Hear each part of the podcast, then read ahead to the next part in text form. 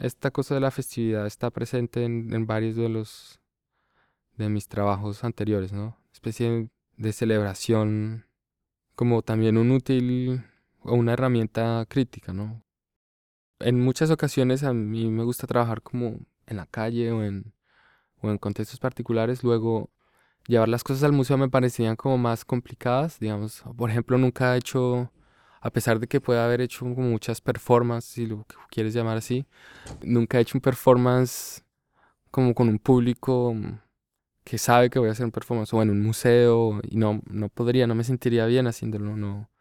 Digamos que el, el marco que te pone la institución o el pedestal en el que estás cuando estás en, proponiendo una acción me, me, me incomoda un poco, prefiero hacer cosas incluso sin público, sin filmar o como en la vida. Incluso hay muchas acciones que nunca filmé, que a veces le cuento a la gente cuando me preguntan, pero muchas, o sea, más de las que, que he mostrado.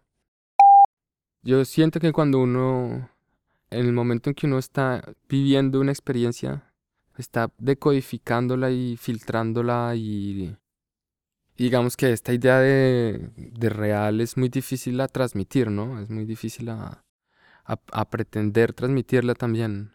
E incluso creo que en el fondo tiene una especie de... Iba a decir una cosa como totalitaria, pero no es así. Es... Yo siento que uno tiene que estar desconfiando un poco de la noción de verdad, de la noción de certitud. Y la idea de lo real, eh, pues, es pues, tan abstracta también, porque ¿Cómo saber si este viento es el mismo o el viento que pase por esta sala, pues lo vamos a sentir distinto y en fin, eh, es muy complicado como ponerse de acuerdo en eso, ¿no?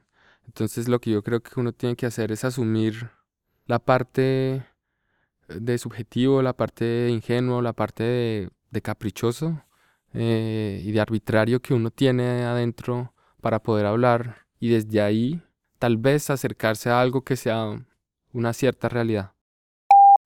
Contestatario, diría yo, como de estar siempre preguntándose por qué las cosas funcionan así o preguntando por qué uno también asume como ciertas posiciones en la vida, como persona, adulto, pareja, uh, amigo, director, artista, escultor.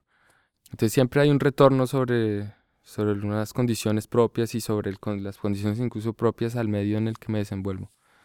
De hecho, pues creo que tiene que ver también un poco con, con la manera en que nos educaron a mi hermana y a mí dentro de esta especie de espíritu revolucionario tropical, diría yo.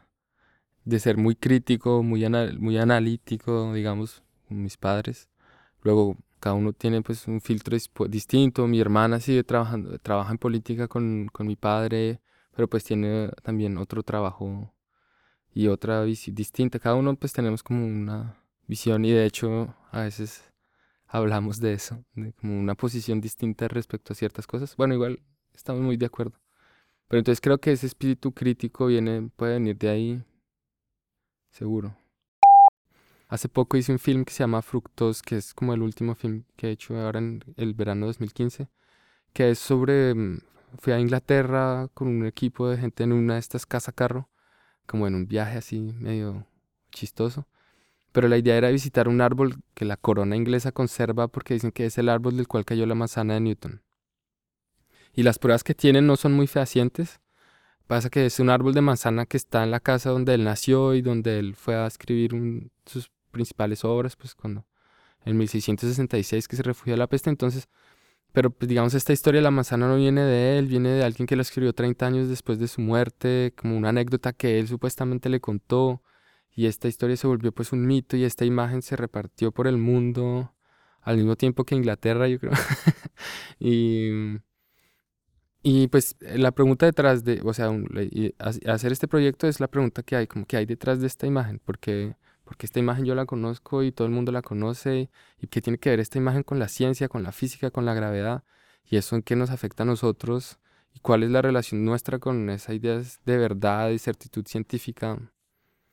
Y nada, la manera de hacer es ir e ir negociando con el contexto.